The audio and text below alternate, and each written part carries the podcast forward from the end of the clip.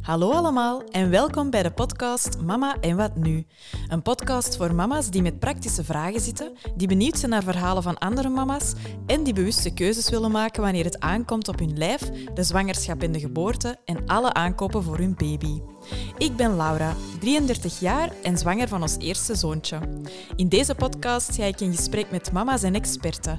En ik hoop dat wat je hier hoort, dat dit jou helpt om keuzes te maken die bij jou en jouw gezin passen. Ik geloof er echt in dat als we elkaar helpen en informeren, dat iedereen daar beter van wordt. Zo, we zijn vertrokken. Dus um, Hey, goedemorgen Jacint. Hey, dag Laura. Uh, super fijn dat je hier bent vandaag. Merci daarvoor. Um, zou je je kort eens eventjes eerst willen voorstellen? Ik ben Jacint en ik ben mama van twee kindjes, uh, Mona en Cecile. Die zijn 2,5 en Cecile is gisteren juist één jaar geworden. Oh. Proficiat, ja. Cecile. Dank je. Kei leuk. Super.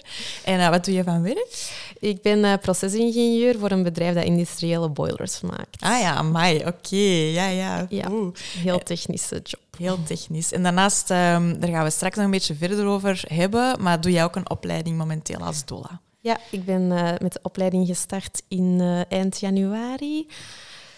Ja, ik miste zo wel wat in mijn job. Um, hoe heet dat? Instant gratification. Ja. Zo, ja. Ik maak documenten en na drie jaar staat daar een boiler. Ja, ja, ja. Maar eigenlijk op het moment zelf heb je nooit bevestiging van dat je job goed aan toe bent. Ah ja, oké. Okay. Ja, ja, nee, ja. En ook dat menselijke dan waarschijnlijk. Hè. Dat is ook Inderdaad, wel ja, ja. iets dat je dan niet helemaal hebt nu in je job, maar dat je dan wel Ja. als persoon, als je dat nodig hebt. Ja, en Dan, ik hou eh, ook van mensen informeren. Ja. Ik heb uh, loopbaancoaching gedaan en daaruit bleek dat de leerkracht ook wel echt iets voor mij zou zijn. Ah ja, oké. Dus uh, dat luik zit er ook wel in bij een doula om zwangeren en Ja. hun partner te informeren over hun keuzes tijdens de bevalling. Ja. Ehm, ja, en ook tijdens de bevalling aanwezig zijn, ruimte te houden voor de ouders, zodat die op dat moment ook de beslissingen die voor hun Ja, ja, ja. goed voelen kunnen ja, maken. Ja, ja, ja. Ah, maar fijn. Ah, maar leuk dat je dan een, de tegenhanger hebt gevonden, zou ik zeggen, om je ook zo aan te vullen en zo dat volledig plaatje te geven. Dus, ja, de praktische kant wordt nog wel eventjes... eh, Ja, ja, ja. een ja, dingetje, dat dan in? Ja, ja. ja. Maar dat maar is, oké, eh, dat zullen we dan Zorgen voor later. nee, oké, kijk goed. Ehm, dus ehm, ja, ik zou het eerst graag met jou willen hebben over jouw bevallingen. eh, want je bent dus mama van twee kindjes. Ehm, en ik ben heel benieuwd hoe dat je je telkens daarop hebt voorbereid. Want het waren twee verschillende verhalen. Eh, dus eh, misschien ja, de eerste bevalling zou je eens willen vertellen hoe dat, dat is gegaan en hoe dat je daar effectief naar hebt toegewerkt. Mm. Ik ben, we hebben een jaar eh, geprobeerd om kindjes eh, te maken. Dus ja, ik was eigenlijk al een jaar een wensmama. En ik ben van dag één alles beginnen consumeren wat los of vast zat. ehm, over bevallingen, over zwangerschap. Heel veel podcasts geluisterd. eh, heel veel mensen op Instagram beginnen volgen. Ja. Boeken gelezen. En dat helpt heel hard, hè? Als je zo van andere mensen verhalen, de info kunt krijgen. Ja, zo dat, inderdaad. ja, want eigenlijk in mijn omgeving niet per se zo heel veel mensen die al bevallen waren Nee. of zo. Dus eh, het kwam allemaal van externe. En hoe lang is dat nu geleden? Eh, Mona is 2,5. 2,5, Dus ja. Maar ja, Iets dus, langer, hè? Ja, dan nog twee jaar daarvoor eigenlijk was ik al wensmama. Ja. En dan eh, had ik al eigenlijk snel zoiets van, ja, oké, vroedvra- ehm, thuisbevallen Ah, thuisbevallen, is ja. echt wel iets eh, voor mij. Ja. Maar mijn man zag dat niet zitten. Ja. En ik heb het dan toen eigenlijk vrij snel losgelaten. Mhm. Wat ik nu heel jammer vind, maar oké. Dat is ook wel normaal, denk ik. hè. Zo je eerste zwangerschap. Allee, omdat ik zit daar dan nu ook in en ik kan het mij echt... Allee, we hebben zelf ook die gesprekken thuis gehad. eh, en ehm, dat is gewoon zo. Er komen het stukje van... Ik weet niet wat mij te wachten, of ons te wachten staat, komt daar dan helemaal ook bovenop. Ja. Ehm, en uw partner, eh, eh, ja, dat, voor hem is dat al helemaal iets van, eh, ja, super abstract.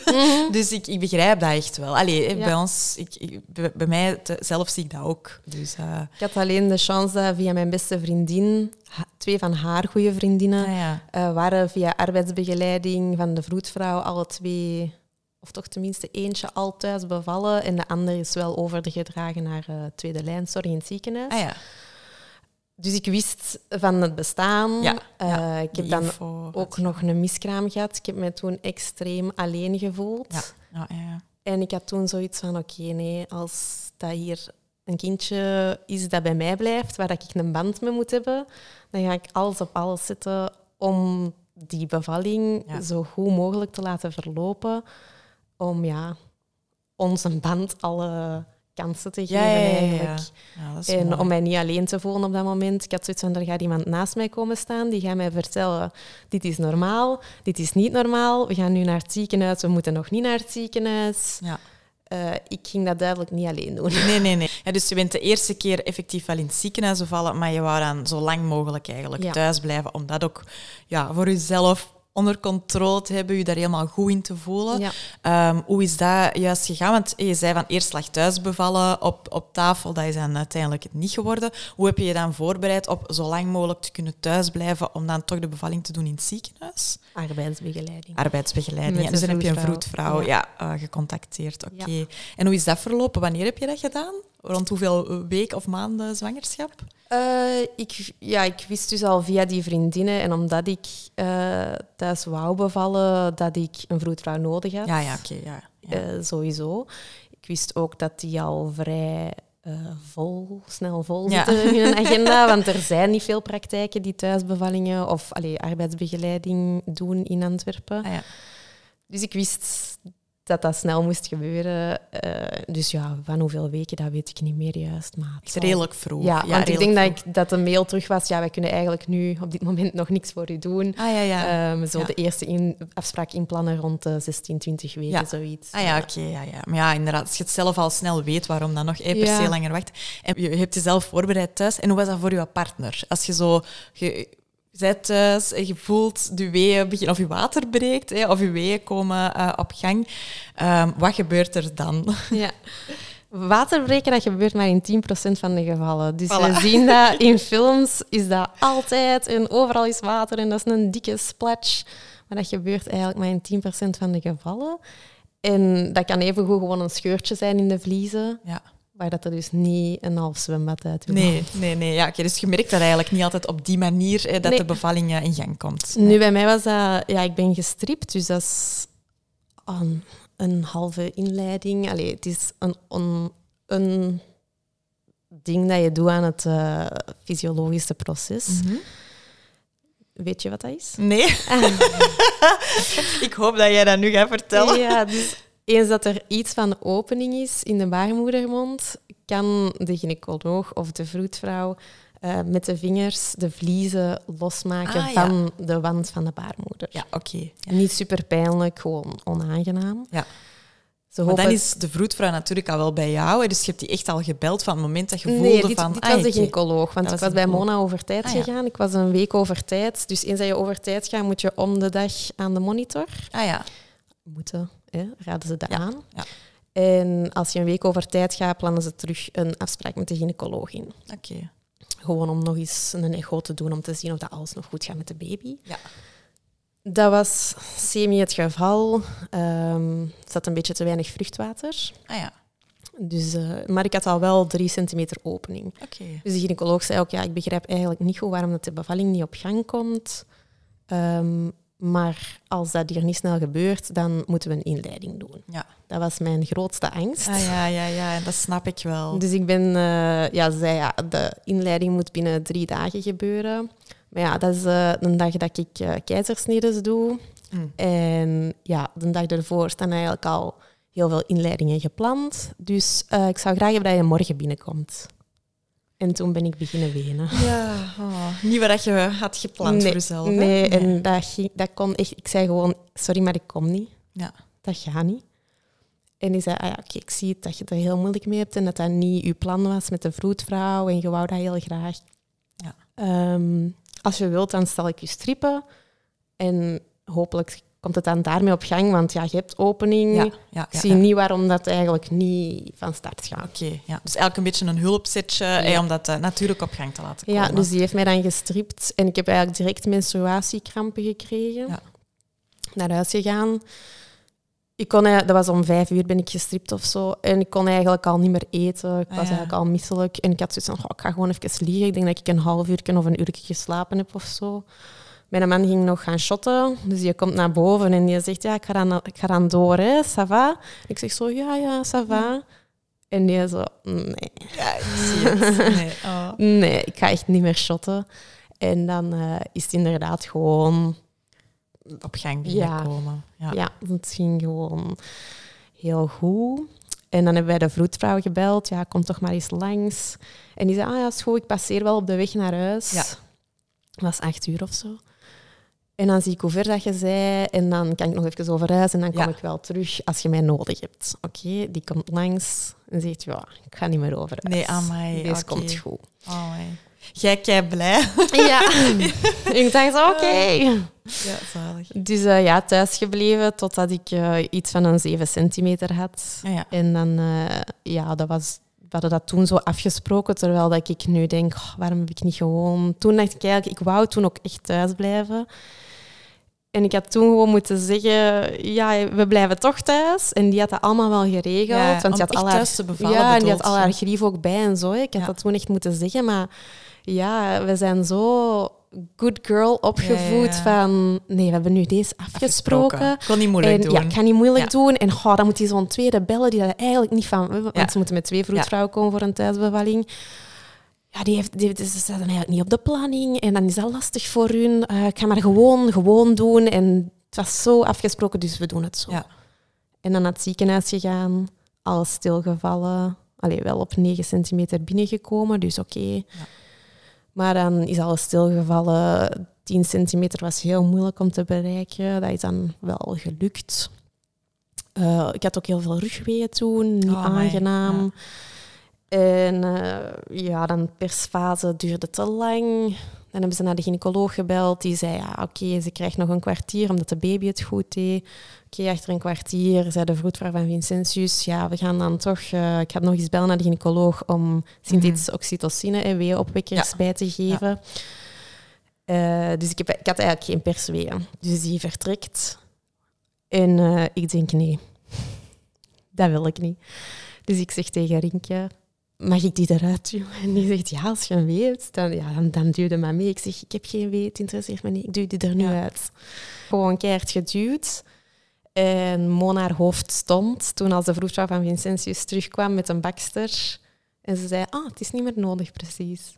Jij, oh, Halleluja. amai, ja. Je hebt dat echt zelf... eh, En dan ja, gaat in het de snel hè, hand gewerkt. daarna. Dus ehm, ja. Ja. En dan is het eigenlijk redelijk vlot nog gegaan. Dan is ze geboren. Ah, Oké. Maar, je- Ja. Dus eigenlijk toch wel, allee, ik, als ik je verhaal zo hoor, toch wel redelijk hard hoe dat je het zelf. Je hebt het Ja, wel ja, in de hand moeten sturen, maar allee, toch in, in ja, het is echt algemene hoe ik mooie... het heb bedacht. Omdat mensen zeggen, ja, Ah. een bevalling kunnen niet plannen. Dat is ook zo. Maar die is wel echt gegaan hoe ik het had gepland. Buiten dan ja, dat alles is stilgevallen eigenlijk. En dat ik het op eigen kracht heb moeten doen zonder dat mijn lichaam wou meewerken. Hé, maar wai. Chic zeg. Ja. Ik hoop dat ik ook die sterkte ga hebben als dat Ja. bij mij voorkomt. Maar eh, wel heel mooi. En eh, dus oké, dat wil eigenlijk zeggen de tweede keer dat je echt zit van thuis bevallen. ja, de dat tweede keer mij. ik, niet nog Ja. eens met mij. Dus eh, we gaan gewoon thuis blijven. Ja. gaan mijn lichaam alle kans geven om het zelf te doen. En dat is dan super vlot gegaan, heel snel. En hoe werkt dat juist? Want oké, je spreekt het dan wel op voorhand af met de, met de vroedvrouw. Dus zij weet, oké, ze gaat gaan voor een thuisbevalling. Hoe pak je dat, of hoe bereid je je daarop voor, zelfs praktisch gezien? Heb je thuis iets nodig? Op zich heb je niet echt iets nodig. Er moeten natuurlijk wel doeken zijn, Ja. absorptiepads. Eh, want ja, er komt wel ja, vocht hè, van, Tuurlijk. die, van die vliezen. En bloed Alles wat in de baarmoeder zit ook, Ja, komt die placenta uit. komt er Ja. ook nog uit Ja. na de baby. Ja. Dus eh, allee, er komt wel iets van bloed bij kijken. Dat is niet een bloedbad. Nee, nee, nee, nee. Dus met een paar slechte handdoeken Ah, en een slechte overtrek. En misschien dat je een paar absorptiepads bestelt. Ja. Dan komt er wel. Oké, ja. Ja. En ligt je dan, waar ligt je dan? Of zit je dan? Of eh, bent je dan? Bij, bij mijn eerste bevalling had ik echt zoiets van... Goh, dat onderwaterbevalling, allee, dat waterbevalling, pff, dat is niet voor mij. Ja. Nee. Eh, dus je kunt gewoon op de vloer bevallen, Ja. op je bed bevallen. Ook, ja, waar ligt je dan? Je hoeft niet te liggen. Nee. Je moogt liggen. Maar we zien als mensen een fysiologische bevalling hebben, dat dat eerder handen en knieën is. Ja, ja, ja. Dat veel gekozen wordt om in te bevallen. En ehm, een soort eh lunch, hurk. Ah, ja. ehm, Oké. ja. Dat zijn dus de dingen waarbij de, ja, dus Ja. dingen waarbij de zwaartekracht mee kan helpen om de baby eh, geboren Ja, te ja, laten want als worden. ligt, is dat eigenlijk niet Nee. zo, hè? Nee, oké. Nee, liggen ja. op je rug is ja, de, de slechtste houding om een baby eh, geboren te laten worden. Hè. Dan Ja. Werkt het tegen de zwaartekracht en je verkleint je bekken. Ja, ah, ja, ja oké. Nou, Voilà, al een goede tip. oké, en hoe is het dan bij jou? Want je, je bent dan wel in bad? Ja, Oh, bij een tweede heb ik dan wel inderdaad gekozen voor een bevalbad. Ja. Ik had nog even gedacht, ik doe dat in mijn eigen bad. Eh, de- dat mocht ook van de vroedvrouwen, want eigenlijk hebben ze niet zo graag dat je naar boven gaat, want dan een ambulance. Ja, ja. Dat is allemaal, allee, dan moeten ze gewoon komen kijken of dat de ambulanciers genoeg plaats zouden hebben. Dan moesten ze je met een brancard moeten afvoeren. Ja. Dat, dat mocht dan allemaal, dus ik mocht wel in mijn eigen bad bevallen. Maar eh, een vriendin van mij die dat ook eh, een bevalbad had gehad, die zei van ja, nee, doe dat voor die 150 euro dat dat kost. Je gaat dat zo zalig vinden, want die bodem is eigenlijk, dat is eigenlijk een, een kinderzwembad, Ah, ja. maar ook met een opblaasbare bodem. Ah, dat Dus voor je knieën Ja. is dat zalig. Ja. Want in een gewoon bad, probeert maar eens een uur op je knieën te zitten, dat gaat niet. Hè? Nee. Dus eh, ja, heel, heel chill, dat bevalbad. Ja, dus je bestelt dat dan eigenlijk via de vroedvrouw. Ja, je kunt dat ook eh, online, zijn er ook... eh Ja. allee, ja, je kunt dat Ja. ook laten komen, maar inderdaad, La Madrugada heeft zelf een bevalbad. Oké, ah ja, oké. En vanaf wanneer zit je dan, doet je dan dat water erin, bijvoorbeeld? Ja. Dat is heel, even heel praktisch, maar ik vraag mij dat wel af. Ja, het dus mag dat, ook niet koud zijn, hè? Dus, nee, dus dat bad is er vanaf eh 37... Eh, van de vroedvrouwen mogen bevallingen begeleiden vanaf 37 weken Ja. tot 42 weken. Ah ja. Dus vanaf 36 weken, eh, 37 weken krijg je dat bad bij u. Ah ja. En dan zet je dat best al eens op, zodat je weet... Iets oefenen. ja, ja. eens oefenen. Hoe werkt deze juist? Hoe sluit ik de darmen aan op de kranen? Ja, ook al. Want niet elke kraan is hetzelfde natuurlijk. Ehm, en dan ja, dat is natuurlijk ook weer het voordeel dat de vroedvrouw komt. En de vroedvrouw zei, Jens, Ja. dat is uw man. Ja. begin er maar aan, want anders is dat hier niet in orde. Voor, want dat is best groot, een bevalbad. Ja. Dus die zei, kom. Jens had dat al opgezet toen, ja, die had weer al door. Ik was zo nog, nee, nee, dat, ik was weer gestript. En ik dacht, nee, nee, dat kan nog wel stilvallen. en die had zoiets van, ja, sure, ik ga dat hier al opzetten. En het is ook niet bij je tweede bevalling dat het ook waarschijnlijk iets vlotter gaat komen. Ja. Of ja, dus ook Ja. al. Hè. Daar moet je ook rekening mee houden. Ja, oké. Dus de vroedvrouw zei, oké, goed dat staat, maar we gaan nu beginnen vullen, want anders ga het niet klaar zijn. Ja. Dus ja, en hoe houden dat warm? Ja, stel, je hebt er ook met een cover, waar dat Ah, ja. dan minder warmte verloren gaat. Maar je kunt ook, ja, er is een emmer water uithalen en er ja. terug... eh, mm, allee, dan zetten we wat water in een waterkoker op en dan Ja. doe je dat water erbij. Hetzelfde als die vrouw er heel lang wilt inzitten, ja, dan ga je ook wel eens een keer er terug warm Tuurlijk, water moeten bij doen. En, ja. dus ja. Oké, dus, en is het al redelijk snel... Allee, in je bad eigenlijk dan? Ze er redelijk snel in Nee. bad gaan zitten? Nee, ik, ik, mijn beide bevallingen heb ik mijn tensapparaat gebruikt. Oké. Het zijn eigenlijk elektrodes die dat je op je rug plakt en dat maakt een soort spanningsveld, ehm, waardoor dat de pijnsignalen minder doorgegeven Ah, ja. worden. Doen ze dat ook niet met zo'n soort... Bij de kine? Ja. De- ja, Ja, het is ja. exact hetzelfde. Ze hebben dat nu ook voor- tegen menstruatiekrampen. Ah, ja. Maar dus inderdaad, dat is, dat is dat machientje. En dat geeft je ook een, een sense of control. Je kunt dat harder, zachter zetten. Tijdens de wee zetten dat op een andere modus dan tussen een wee. Ja. Dus ik vond dat heel fijn en ik vond dat heel moeilijk om dat af te geven. Ah, ja, ja. Want de vroedvrouw zei ook van, ja, het is nu de moment om in bad te gaan. Maar ik zie dat je het moeilijk hebt om die stap te zetten. Je wilt graag je tents houden, hè, maar dat is op batterijen, dus dat mag niet in het water. Ja. Ik zei ja, ja, ja. En zei ja, oké, snap ik. Maar als je in bad wilt bevallen, dan is het nu. Oké. En dan eh, inderdaad heb ik het gezegd, oké, dan doen we de tents uit. En dan hopen we maar. Ik dacht, ja, we kunnen nog altijd terug naar de tents. Maar ik zal het nu uitdoen en in mijn bad kruipen en hopen dat dat dan voldoende verlichting geeft. Ah ja, amai. Ja, dus ook pas heel laat in bad gaan zitten. En eigenlijk zijn toen direct mijn persueen op gang gekomen. En doet het dan deugd zo in zo'n bad gaan zitten? Ja. Ja, ah ja, ik denk, ja, Ik zou ook denken van wel, maar zo Ja. dat warm water en zo. Ja, ze raden eigenlijk ook aan om zo tijdens de arbeid kun je best gewoon watertherapie gebruiken als in een douche, Ja. je gewoon Ah, ja. bad. Hè, want je zit niet helemaal onder Ja, in een gewoon bad, wat dat in een bevalbad wel is. Je zit echt wel tot aan je borsten ongeveer Ah, onder water. En dat je echt dan zo die immersie, echt gewoon heel je lichaam en die druk van dat water, zo, die zwaartekracht ja, is oh. eraf. Je kunt helemaal vrij bewegen, want ja, je weegt ineens niks Ja. meer. Op het einde van je zwangerschap, je bent precies echt Ja, een olifant. En ineens is dat er niet meer. Dus gewoon die sensatie is zalig. Nee. Ineens kun je alle houdingen aannemen dat jij wilt. Ja, ik vond dat, ik vond dat heel fijn. Ja. En eh, dan van het moment dat het babytje eh, gaat komen, eh, wat gebeurt er dan? Ja, de vroedvrouw is sowieso aan uw zij. Uw man Ja. zit daar ook bij. Ja. Ehm, wat gebeurt er dan juist? Gaan zij echt mee onder water om dat kindje mee te begeleiden? Nee, eigenlijk ook een thuisbevalling is meer hands-off dan een Ah, ziekenhuisbevalling. Het beeld van een ziekenhuis is inderdaad, ik lig daar op een bed met mijn benen open en er staat drie man tussen mijn Ja. benen en die pakken de baby en die leggen de baby op mij. Hè. Dus er wordt eigenlijk veel aan u en aan uw baby gezeten. Mhm. Terwijl ook in een ziekenhuis mocht jij zelf uw baby pakken, mag je Ja. partner uw baby pakken. Je moet dat gewoon ook vragen aan de vroedvrouw, aan de gynaecoloog, wat dat, dat kan. Ehm, en thuis zien we veel meer dat de mama's de baby zelf pakken. Hè? Ah ja, echt Dus uit, eh, Zeker met een onderwaterbevalling. Ja, het is niet dat die baby kan vallen. Dus zo het, het, het enge van wat als die glibberig is en ik laat die vallen, is weg. Want die valt niet, die komt eruit in het water. Dus Ja. zelfs al komt die eruit en heb je die niet gepakt, kun je hem dan nog pakken. Ja, ja, ja. En voor hen, allee, voor de baby zelf dus, denk ik een heel natuurlijke flow. denk Want het je gaat van water terug in water en Ja. dan in de armen van je mama. En je blijft eigenlijk ook nog even mee naar water liggen. Ja, en er komt niemand aan u. Nee. Ja. Dus de vroedvrouw zit echt langs de zijlijn Ja. mee te kijken van moest er iets zijn dat ze moeten ingrijpen, dan is ze er. Ja. Maar eigenlijk laat zij u volledig. Oh, maar ik vind het wel. En hoe was dat voor u, voor uw man? Weet je dat? Hebben jullie er achteraf nog over gebabbeld? Of, of hoe was hij op dat moment? Ik denk voor een, zo een thuisbevalling of zo lang mogelijk thuis blijven, dat dat eigenlijk fijner is voor een man. Het hangt misschien ook van uw man af en Ja, hoe ja. dat hij zich heeft voorbereid. Maar hij heeft veel meer te doen. Hè. ja, In een voor uw zorgen. Ja, voor, ja, voor u zorgen, de deur open doen voor de vroedvrouw. Ah, de vroedvrouw wil een koffietje. Oké, koffietje gaan maken. Eh, Ja. ah, z- ah, ze wil wat meer eh, een kersenpietkussentje. Oké, kersenpietkussentje gaan doen. Allee, er zijn... Hij is thuis ook. Hè? Hij is in zijn eigen omgeving en kan eigenlijk van daaruit zien wat heeft mijn vrouw nodig of, of de Je vroedvrouw. ziet of veel alles. sneller wat heeft mijn En vrouw nodig. En je weet alles liggen. Dus heeft die vroedvrouw u no- iets nodig, gaat ze dat aan u vragen. Allee, hè, aan u.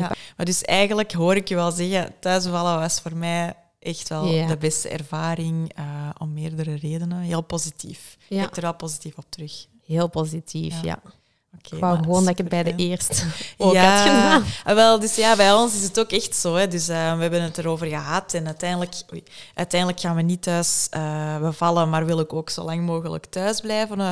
maar ik kan mij wel voorstellen dat als die eerste keer dan goed gaat Ja. en we hebben alle twee dat vertrouwen daarin en dat is er denk ik echt wel, maar toch, dat blijft zoiets heel onzeker. Hè. En je weet ook niet hoe dat alles gaat gaan en hoe dat je lichaam gaat zijn. En, allee, wow, je kunt niks voorspellen. Ehm, maar ehm, ja, ik vind, je moet je met twee heel goed voelen over de stappen die dat je gaat ondernemen richting je bevalling. Maar ik kan me voorstellen dat de tweede keer gewoon wel echt terug ook op tafel bij ons gaat liggen. Dus eh, Bij een eerste zwangerschap had ik ook echt zo, oké, hij moet zich ook goed voelen. mhm. Terwijl ik nu echt van de overtuiging ben, nee, jij moet je goed voelen, jij moet het uw doen. ding, de vrouw doet het. Ja, en En je mocht, dat, dan kom je weer zo terug op het feit van je mocht geen beslissingen maken die gebaseerd zijn op angst of zo. Allee, dat is bij ons ja, een deeltje, zo, maar ook niet helemaal. Maar in ieder geval, het is heel belangrijk dat je die factor wel even allee, uitzet. Hè? Want eh, ik weet, bijvoorbeeld in Nederland hè, zijn er Ja. heel veel vrouwen die thuis bevallen. Ja. Dus eh, zo het risico daaraan verbonden is niet per se groter dan dat je in Nee. een ziekenhuis zou bevallen. nee, want En als we is- kijken naar de cijfers, dan heeft Nederland marginaal, maar toch betere uitkomsten voor moeder en kind Ja, dan België. terwijl dat die een veel hogere percentage thuisbevallingen hebben. Ja, Ja. ze hebben 27% thuisbevallingen en wij zitten vorig jaar op 0,8, maar dat fluctueert wat tussen de is 1 en de weinig. 2%. Ja, dat is Ja. 500 mensen ongeveer Oh, maar ik dacht dat dat veel meer was. Nee. Ja, dat is wel echt heel weinig. Ja. Het vooral belangrijk is om heel dicht bij jezelf te blijven en om wel wat onderzoek te doen, zodat je ook wel goed weet wat je eigenlijk wilt. Ik denk dat dat de eerste stap sowieso is, want er zijn miljoenen situaties die zich kunnen voordoen, waar je toch eigenlijk nooit 100% op kunt voorbereiden.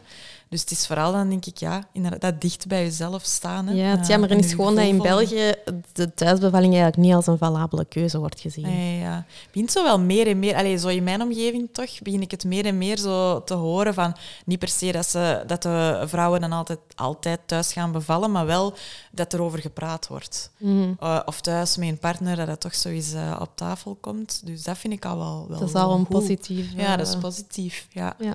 Dus, um, Oké. Okay. Um, ja, dan zou ik graag eens willen praten over uw doula-opleiding. En wat ja. is een doula juist dan?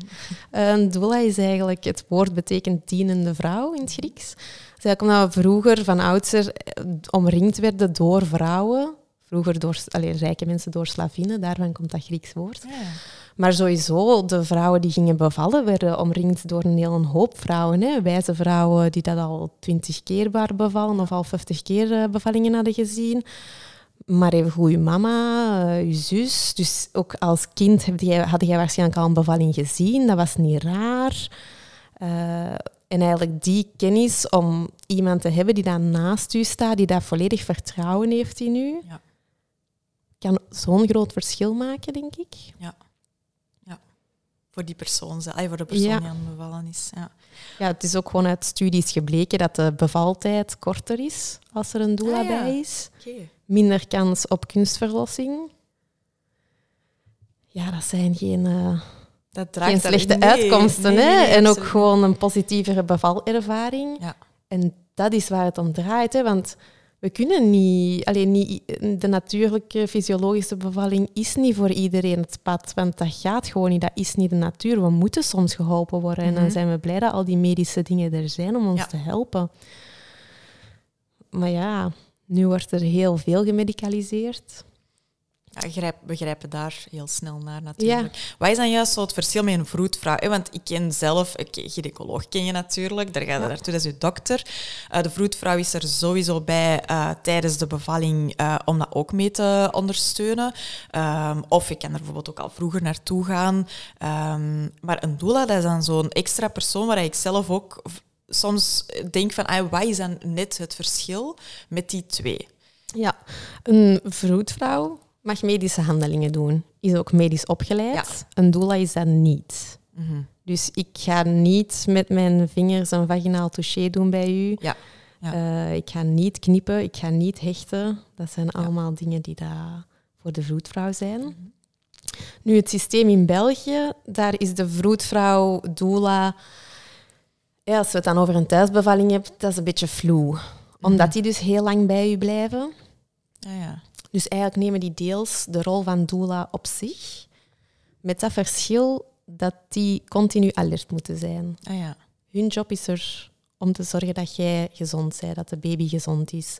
Dus elk, ik weet niet wat het is, kwartier of zo, gaan die ook de hartslag van de baby moeten nakijken. Ja, ja, ja. Dat is even twee minuutjes dat die niet voor u beschikbaar zijn. Ja. Want ze zijn aan het luisteren naar de baby. Ja. Die moeten continu zien, "Hmm, dat badwater, is dat nog niet te rood? Is er nog niet te veel bloed Ja. verloren? Hm, Oké. Dat duurt niet lang om die checkjes te doen. Maar die zijn wel Ja, ja, ja. continu aan het checken voor vlagjes. Oeh, is er hier iets? Moet ik Iets daar andere iets focus, hè? Ja. Ja. ja. En de doula heeft dat niet. De doula kan er volledig zijn voor de vrouw, voor de partner, voor eventueel ja, de kindjes dat er zouden zijn. Ja. Vroedvrouwen, als je met arbeidsbegeleiding werkt, mogen niet in alle ziekenhuizen Nee. in hun hoedanigheid als vroedvrouw binnen. Ehm, dan mogen zij nog wel als doula binnen, maar dat willen ze meestal niet. Ja, ja, oké. Dus dan, ja, een doula mag wel overal binnen. En ben je dus als vroedvrouw eigenlijk ook doula?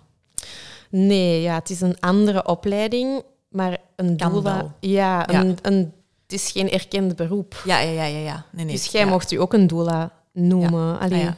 Oké, ja. En zij hebben een aantal van de dingen... komen er in hun, in hun opleiding ook aan bod, maar in mijn cursus doula zit bijvoorbeeld ook een vroedvrouw. Ja. Omdat die veel thuisbevallingen doet en die heeft ook zoiets van... Mijn, mijn support Ja, ja, is niet sterk genoeg. Ik wil hier aan werken. Ik wil dat dat ik stukje ook... eh, ja, dat ik meer dat holistische, dat ik dat allemaal kan Ah, meepakken. ja, oké. Ja, En niet enkel het medische. ja. Ah, ja oké, cool. Oké. Dus ja, daar ligt... eh, ja, en ook qua, ja, qua continue ondersteuning dus. Stel dat jij wordt overgedragen, hè, want jij gaat nu naar Augustinus. Mhm. Daar mogen de vroedvrouwen niet Nee. in hun hoedanigheid als vroedvrouw binnen. Dus dan zou jij arbeidsbegeleiding thuis hebben. Ja. De vroedvrouw gaat beslissen, oké, je bent nu ver genoeg. We gaan naar het ziekenhuis, wat jij wou. Dan brengt hij je naar de deur. Dan Ja, zegt dan hij tegen de vroedvrouw van het ziekenhuis... Ja, ja, ja, ja. Hier is ze dan. En ze is, eh, naar mijn mening, daar juist 7, 7 of 8 centimeter. Ja, Alsjeblieft. ja, ja. ja. ja. Dag. Ja, volgende team. Ja, volgende Ja, team. ja, ja, nee, dat snap ik al. Dus, en de doula blijft de hele tijd bij u, zowel Ja. als je thuis zou willen bevallen als in het ziekenhuis. Dus ja, daar zie ik zeker wel het voordeel van in. Ja, wat maakt het dat voor u weer moeilijker wordt om in je bevalbubbel te, te Ja. blijven? Want je moet weer nieuwe mensen Ja. ontmoeten, nieuwe vragen, want die weten niet wie, allee, die weten semi wie jij bent, maar die weten niet welke comforttechnieken dat jij wilt gebruiken. Je Mhm. gaat het weer allemaal moeten uitleggen, dus je gaat terug in dat mensenbrein kruipen, terwijl dat jij voor je bevalling echt in dat zoogdierenbrein moet zitten. Ja, ja, ja. Alles moet afsluiten. Dat oerinstinct. Ja, en dat is heel moeilijk als je op een plek bent waar dat je niet Ja, thuis ja, bent. ja, absoluut. Nee, nee, dus daar, daar zie ik het voordeel zeker wel van in, van een doula. En het verschil ook met een vroedvrouw. Ehm, is een doula er ook... Want vanaf wanneer kan je... Of niet kan je, maar ga je een doula aanspreken tijdens je zwangerschap? Dat kan van het begin. Ja. Dat kan eender wanneer. Jij kunt ook bellen. Zeg, Sint, ik heb mij toch bedacht. Ja. De vroedvrouw komt niet mee. Ik heb dat nu pas door, dat die niet meekomt. En ik wil iemand die dat er thuis is, Ja. die dat meegaat in het ziekenhuis. Zelfs als het een keizersnede wordt, dat die mee in het OK kan. Eh, ja, ik ben 39 weken. Ja. Help, kom. Ja. Dat kan ook. En um, want is een doula er bijvoorbeeld ook van voor de bevalling om u mee psychologisch... Want ja, voor sommige mensen is zwanger zijn gewoon niet fijn. Of allee, voelen die Ja. zich niet zo zeker of mentaal niet... Allee, hebben die um, het een beetje moeilijk. Is een doula dan ook de juiste persoon om uh, aan te spreken, om u daarin te Ja. ondersteunen eigenlijk? Ja, zeker. En wij krijgen ook een stukje traumaverwerking in onze Ah, ja. opleiding. Dus ook als je inderdaad op voorhand een miskraam hebt gehad of zo, Ja. die vrouwen zijn vaak iets onzekerder tijdens hun bevalling, eh, tijdens hun zwangerschap na de miskraam. Ja. Dan kan een doula daar ook wel een extra steun zijn. Ze helpt ook met te informeren van wat zijn nu eigenlijk alle keuzes. Ook informatie naar zorgverleners toe. Is de Mhm. gynaecoloog waar jij nu bij bent wel echt de gynaecoloog voor u? Mhm. Wat wil jij aan een badbevalling? Vraag eens aan je gynaecoloog. Ja. Ziet hij dat zitten? Ja, ja, Die ziet dat niet zitten. Ah, wel ja, aangezien dat ik wel meerdere vrouwen begeleid, weet ik wel in Antwerpen welke gynaecologen Ja. dat wel zien zitten. Dus ga eens daar horen of ga eens daar horen. Wil je in dat ziekenhuis blijven? Ah, jij wilt eigenlijk eerder een holistische aanpak. Ja, dan ga je beter naar een ander Mhm. ziekenhuis. Is daarom dat ziekenhuis waar dat je was slecht? Nee. Nee, nee, nee. Maar, zij misschien gaat is dat niet voor u. Ja, zij gaat u echt ondersteunen in de keuzes dat je eigenlijk wilt maken. Ga- Zij gaat u daarbij helpen om die effectief te maken. Ja. Ja, oké. Ah, Oké, cool. Ah, oké, interessant, hè? Ja, omdat zo, zeker bij eerste bevallingen, allee, eerste zwangerschappen, zien we al, eh, mensen altijd zeggen, ja, er komt zoveel op mij af en ik weet niet Ja, waar ja. ik moet beginnen. En, Dat kan ik beamen. Absoluut. en daarvoor is een doula dan echt de uitgelezen persoon om u echt helemaal wegwijs te maken in het geboortelandschap, in uw geboortewensen, Ja. In de connectie met uw partner. Ja, ja, ja. En eh, ook voor na de bevalling dan? Ja, er wordt ook één pas- postpartumgesprek eh gedaan Ja. meestal. Dat is eigenlijk zo wat een pakketje dat je kunt aanbieden als doula, Ja. eh, waar vrouwen dan voor kunnen kiezen om het in volle, bijvoorbeeld volle pakket Ja. of een deel daarvan te... Ja, typisch zien we één kennismakingsgesprek, drie prenatale sessies, Ja. aanwezigheid bij de bevalling en dan eh, één postpartumgesprek. Ah, ja, oké. En wat kost dan zo bijvoorbeeld zo'n eh, pakket? Dat zit tussen de 8 en de 1500 euro. Ja, oké. Afhankelijk van wat je juist allemaal wilt. Ja, afhankelijk van wat je juist allemaal wilt. Maar als je nu zegt eh, heel, heel dat riedeltje, dan zitten we wel eerder tegen de 1000 Ja. euro dan tegen de 800. Ja, ja. Meestal vragen ze voor de bevalling zelf, is die 800 euro. Ja. Maar meestal nemen... Allee, dat zijn echt zo de noodsituaties meer, maar...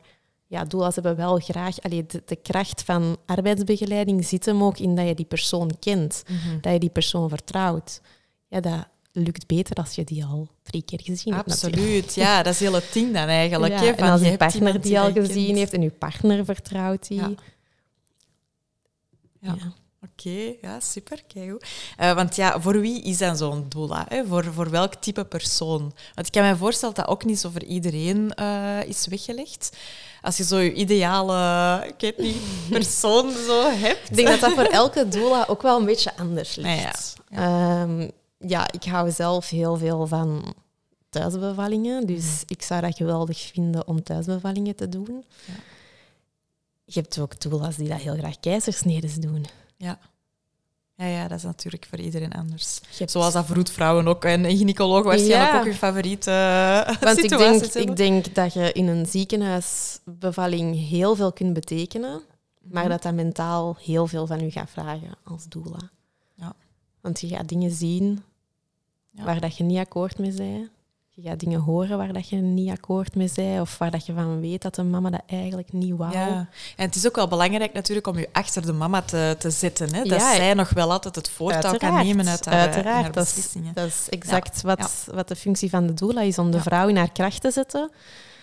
Dus je kunt ook niet altijd je gevoelens Tuurlijk, en dat is ook zo momenten. persoonlijk. Hè? Ja, dus hoe, dat jij dat, hoe dat jij het ziet, is Ja. zeker niet hetzelfde per se als de mama die dat daar op het moment ligt. Oké, maar Terwijl ik denk in een thuisbevalling, hè, omdat hier in België de, de zorg van de vroedvrouwen heel goed is, ja, denk ik dat je meerwaarde, dat die er nog altijd is, maar misschien iets beperkter dan in een ziekenhuissetting. Eh, maar dat gaat veel minder belastend zijn voor u mentaal. Ja, ja, Want de mama heeft daar de, houtjes in, eh, de touwtjes in de handen. En, en jullie gaan, allee, de vroedvrouw en de doula gaan rond de mama bewegen en rond het proces. Ja. Terwijl in het ziekenhuis moet jij u in de vakjes wringen en tussen de lijntjes lopen van wat het ziekenhuis eh Ja. Ik ben wel heeft. echt van plan, eh, omdat ik dan ook wel in het ziekenhuis ga bevallen, eh, om op voorhand al goed na te denken over wat ik wil. En bijvoorbeeld echt zo een muzieklijst te maken. ehm, en zo, ja, echt eens goed na te denken van wat zou zo mijn ideale flow zijn. En dat dan misschien ook, en dat dan zeker ook bespreken met Jochen, hè, mijn, mijn vriend. Ehm, ja, zodat dat ook allemaal uitgesproken is, zodat die dingen ook effectief voorbereid zijn, zodat ik het toch tenminste het gevoel ga hebben dat ik dat zoveel mogelijk zelf in de hand heb. Op voorhand ook vragen van, ja, oké, waar is dat bad? Ja. Eh, kan ik gewoon... Allee, de- dan zou ik ook al wel vragen van, kun je dan Ja. gewoon in dat bad gaan? Ik kan dat gewoon aan vragen op het moment dat ik daar binnenkom. Eh, want ik zou denk ik ook wel... Ik ben echt een badmens. dus eh, ik kan me voorstellen dat als dat badje daar staat, dat ik daar zeker wel in ga zitten. En zo van die dingen ga ik op voorhand gewoon allemaal wel vragen, zodat ik ook het gevoel heb op het moment zelf dat ik dat allemaal niet meer moet vragen. Eén. En dat supergoed. Ja, en dat dat ook gewoon ja, in handbereik allemaal Ja. aanwezig is. Ook dat Jochem weet dat hem daarachter Ja. kan vragen. Ja, Dat Ja. is ook een hele belangrijke. Want ja, zoals ik daar juist zei, jij gaat in je zoogdierenbrein moeten kruipen. Wat betekent geen externe communicatie. ja. Dat is heel moeilijk om Ah, ja, goed in je flow te blijven, terwijl jij dingen moet uiten. Ja, Of terwijl mensen dingen aan u vragen. Dus hij gaat eigenlijk op dat moment uw spokesperson worden. Dus hij gaat moeten weten, wat wilt ze juist? heel en ja en nee kun je nog wel antwoorden. Maar je gaat niet dan een overlegje beginnen met wat willen we juist. Nee, nee, nee, het is dat, hè? Nee, inderdaad. Dat kan ik me wel En voorstellen. ja, in een, in een ziekenhuis, ja, er zijn bevalbaden. Dat zijn er meestal niet al te veel. Nee, ja. En wel, dus dat wil Dus ik ook zo weten wat dat bezet is. Ja, jammer maar helaas. Ja, ja, ja, inderdaad. De garantie voor een badbevalling is thuis een bad zitten. Ja, dat is waar. Dan Ja, dan zijn dat pas echt zeker. Hè? Dan Ja, is dat ja. voor u. Dat zijn dingen dat je echt niet 100% in de hand hebt. Ik weet bijvoorbeeld, en wij gaan nu in Sint-Augustinus, maar in AZ Monica, ehm, had jij mij dat verteld? De maar ik denk ook de vroedvrouw. Ja, dus de, de living, hè, eh, een plek eh, die echt ingericht, ingericht is als een, een, een woonkamer slash, ja, toch nog Ja. wel, allee, je hebt nog wel een ziekenhuis, een beetje sfeer. huiselijker. Ja, het ziet er ook Ja. echt wel op foto, ik heb het al eens opgezocht, ziet het er eigenlijk echt wel gezellig uit. Maar dan was mijn vriend zijn eerste reactie, ja, maar als er al iemand in ligt, Ja. Dan kun je daar toch niet gaan. Dus ja, als je dan voor u hebt van oké, ik ga in AZ Monica bevallen en ik wil in die living bevallen, kun je dat ook niet zomaar reserveren. Ja, als er iemand Nee.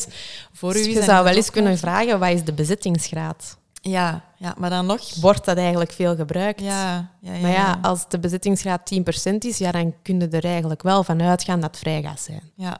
Ze zeggen, ja, dat is eh 90% van de tijd. Iedereen dat hier binnenkomt, wilt in de living. Ja, ja, ja, ja. Ja, dan kun je het vergeten. Nee, het Maar ze dat. zeggen, ja, eigenlijk... goh, want ik weet, er is een ziekenhuis in Brussel die dat ook zoiets hebben. Ah, ja. Dat wordt niet gebruikt. Ah, ja, oké. Ja, dat is wel straf. Misschien weten ze het ook gewoon niet. Dat weet ik niet. Ja, ik had direct zoiets van, maar als dat mijn ziekenhuis zou zijn, dan zou ik daar wel willen liggen, want dat ziet er kei gezellig uit. En er Het is kan ook, nog zeteltje. veranderen van ziekenhuis. Ja, ik weet het. Ja, ik weet het. Ja, ja blijkbaar kun je inderdaad dus alles wel... Ja, dat is normaal. Hè. Dat is logisch dat je alles kunt aanpassen naar hoe dat je het zelf Want wilt. Maar ik heb daar nooit zo bij stilgestaan. Bij Mona wist ik dus vanaf seconde één dat ik eigenlijk wel bij de vroedvrouwen zou willen. Ik zat toen ook bij een gynaecoloog in eh, Augustinus, is nog altijd mijn gynaecoloog. En ik heb daar mijn wens geuit voor een bevalling met de vroedvrouw. En mijn gynaecoloog zei direct, ah ja, dat is een keigoed idee. Ja. Jij bent niet hoog risico, wat we nu weten. Als dat verandert, ja, dan, dan niet. Maar voor het moment, goed plan. Ehm, ga naar La Madrugada. Ja. Dus zij heeft effectief een vroedvrouwenpraktijk. Dat was toevallig degene die ik al in mijn hoofd had, maar zij heeft ook een vroedvrouwenpraktijk Amai, aangedragen. En zij heeft toen ook gezegd, ja, kijk, als je met La Margada wilt bevallen, dat is niet hier. Dat is niet Ja. bij mij. Dat gaat hier niet in het ziekenhuis. Dus dan moet je naar Vincentius of AZ Monica. Ja. En dan moet jij één keer daar Ja. bij de gynaecoloog. Dus dan zie ik jou terug op 20 weken. En dan ga jij op 35 weken naar de gynaecoloog in Sint-Vincentius. Zodat zij daar ook een dossier van u hebben, zodat je daar patiënt zij. Dat als je binnenkomt, dat, dat, geen, allee, dat ze direct al je medische gegevens... eh, Ja, ja, ja, dus dat kan echt allemaal. Ja. ja, dat is allemaal... Jij, maar ja, tuurlijk kan dat allemaal. Stel, Ja, dat, maar ja. stel dat jij in, het- in het zuiden van het land bent, in Ardennen, op 39 weken op verlof, en dat begint ineens, ga jij echt twee uur naar huis rijden. Ik denk dat wel. ik zou dat denk ik wel doen, ja.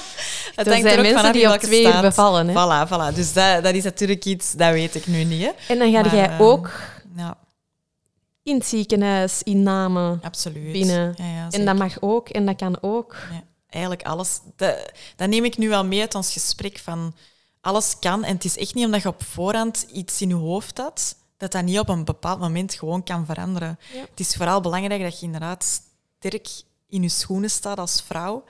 Ehm, en dat je je omringt met de mensen en met Ja. de dingen die u daartoe in staat stellen. Eigenlijk Ja. komt het daar gewoon op neer.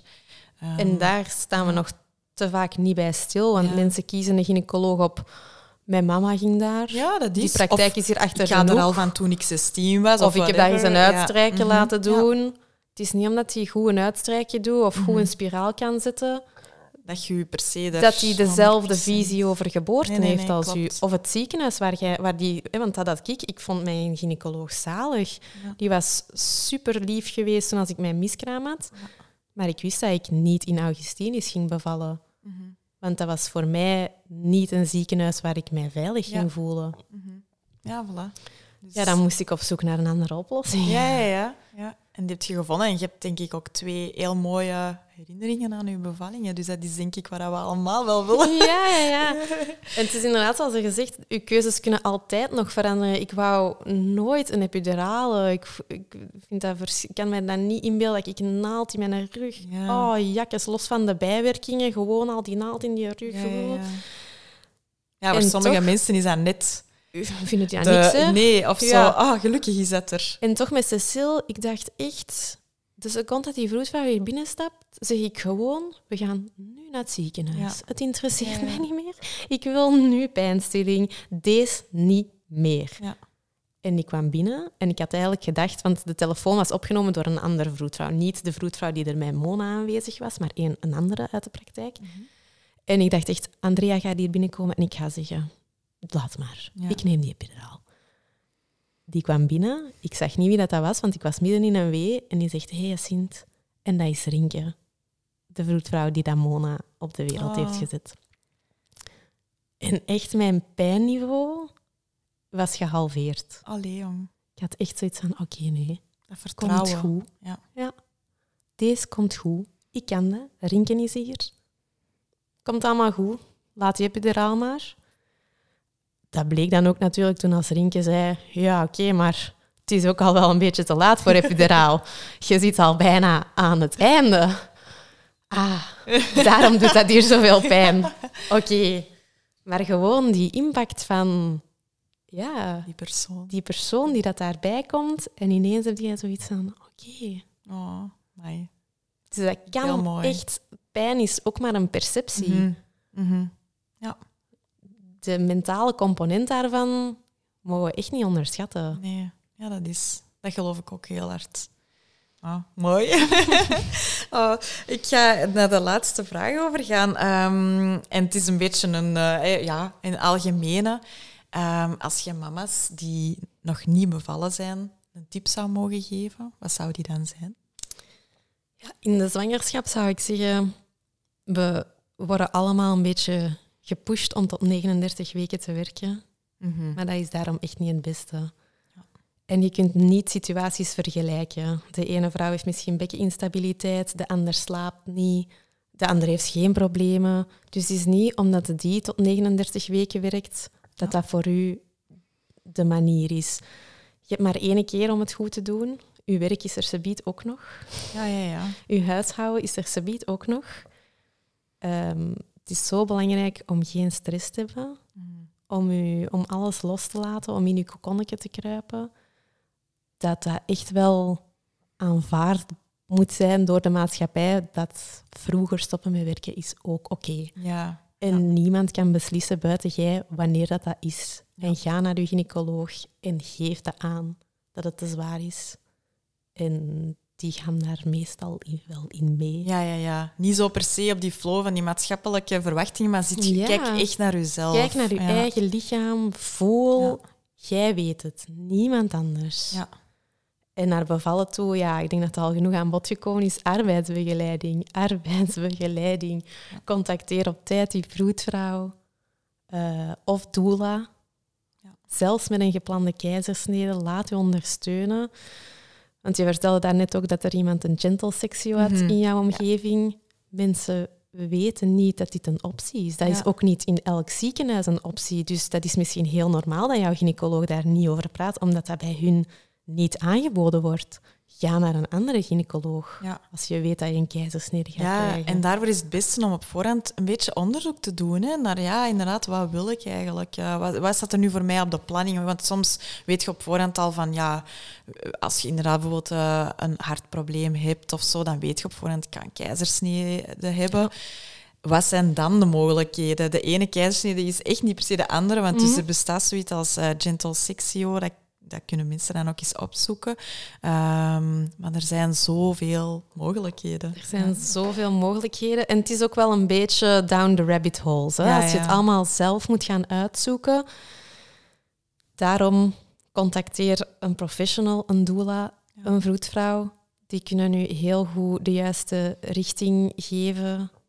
Eh, ja, Ja. dokter Google is niet... Toptip, denk ik. het geweldigste. ja, je spreekt de juiste Dus mensen ja, aan. voilà. Absoluut, Maak het juiste team, zoals dat je Ja. zei. Het team dat voor bij jou past. Ja. Eh superbelangrijk. Ja, vind ik heel mooi. Merci, Jacint. Eh misschien nog één dingetje, want jij hebt ook een Instagram-profiel. Ja. Dat mensen kunnen volgen, waar je eigenlijk tips geeft ook over eh, vanuit je doula-opleiding en bevallingen en zo. Hoe, hoe kunnen ze u vinden? Dat is Pregnantwerp. Pregnant. Work. Dus pregnant en Antwerp samengevoegd. Ja, ja, oké. Super, oké. Heel hard bedankt voor het interessante gesprek. En eh, ik hoop dat iedereen er iets aan heeft, maar dat denk ik zeker wel, want ik het toch ook alvast. Dus eh, Dan ben ik blij. heel erg bedankt en eh, tot de volgende. Oké, dag. Super hard bedankt om te luisteren naar deze aflevering van Mama en Wat Nu. Ik hoop dat je er iets aan hebt gehad. Vergeet zeker geen review achter te laten. En eh, ja, volg mij op Instagram, Mama en Wat Nu. Bye!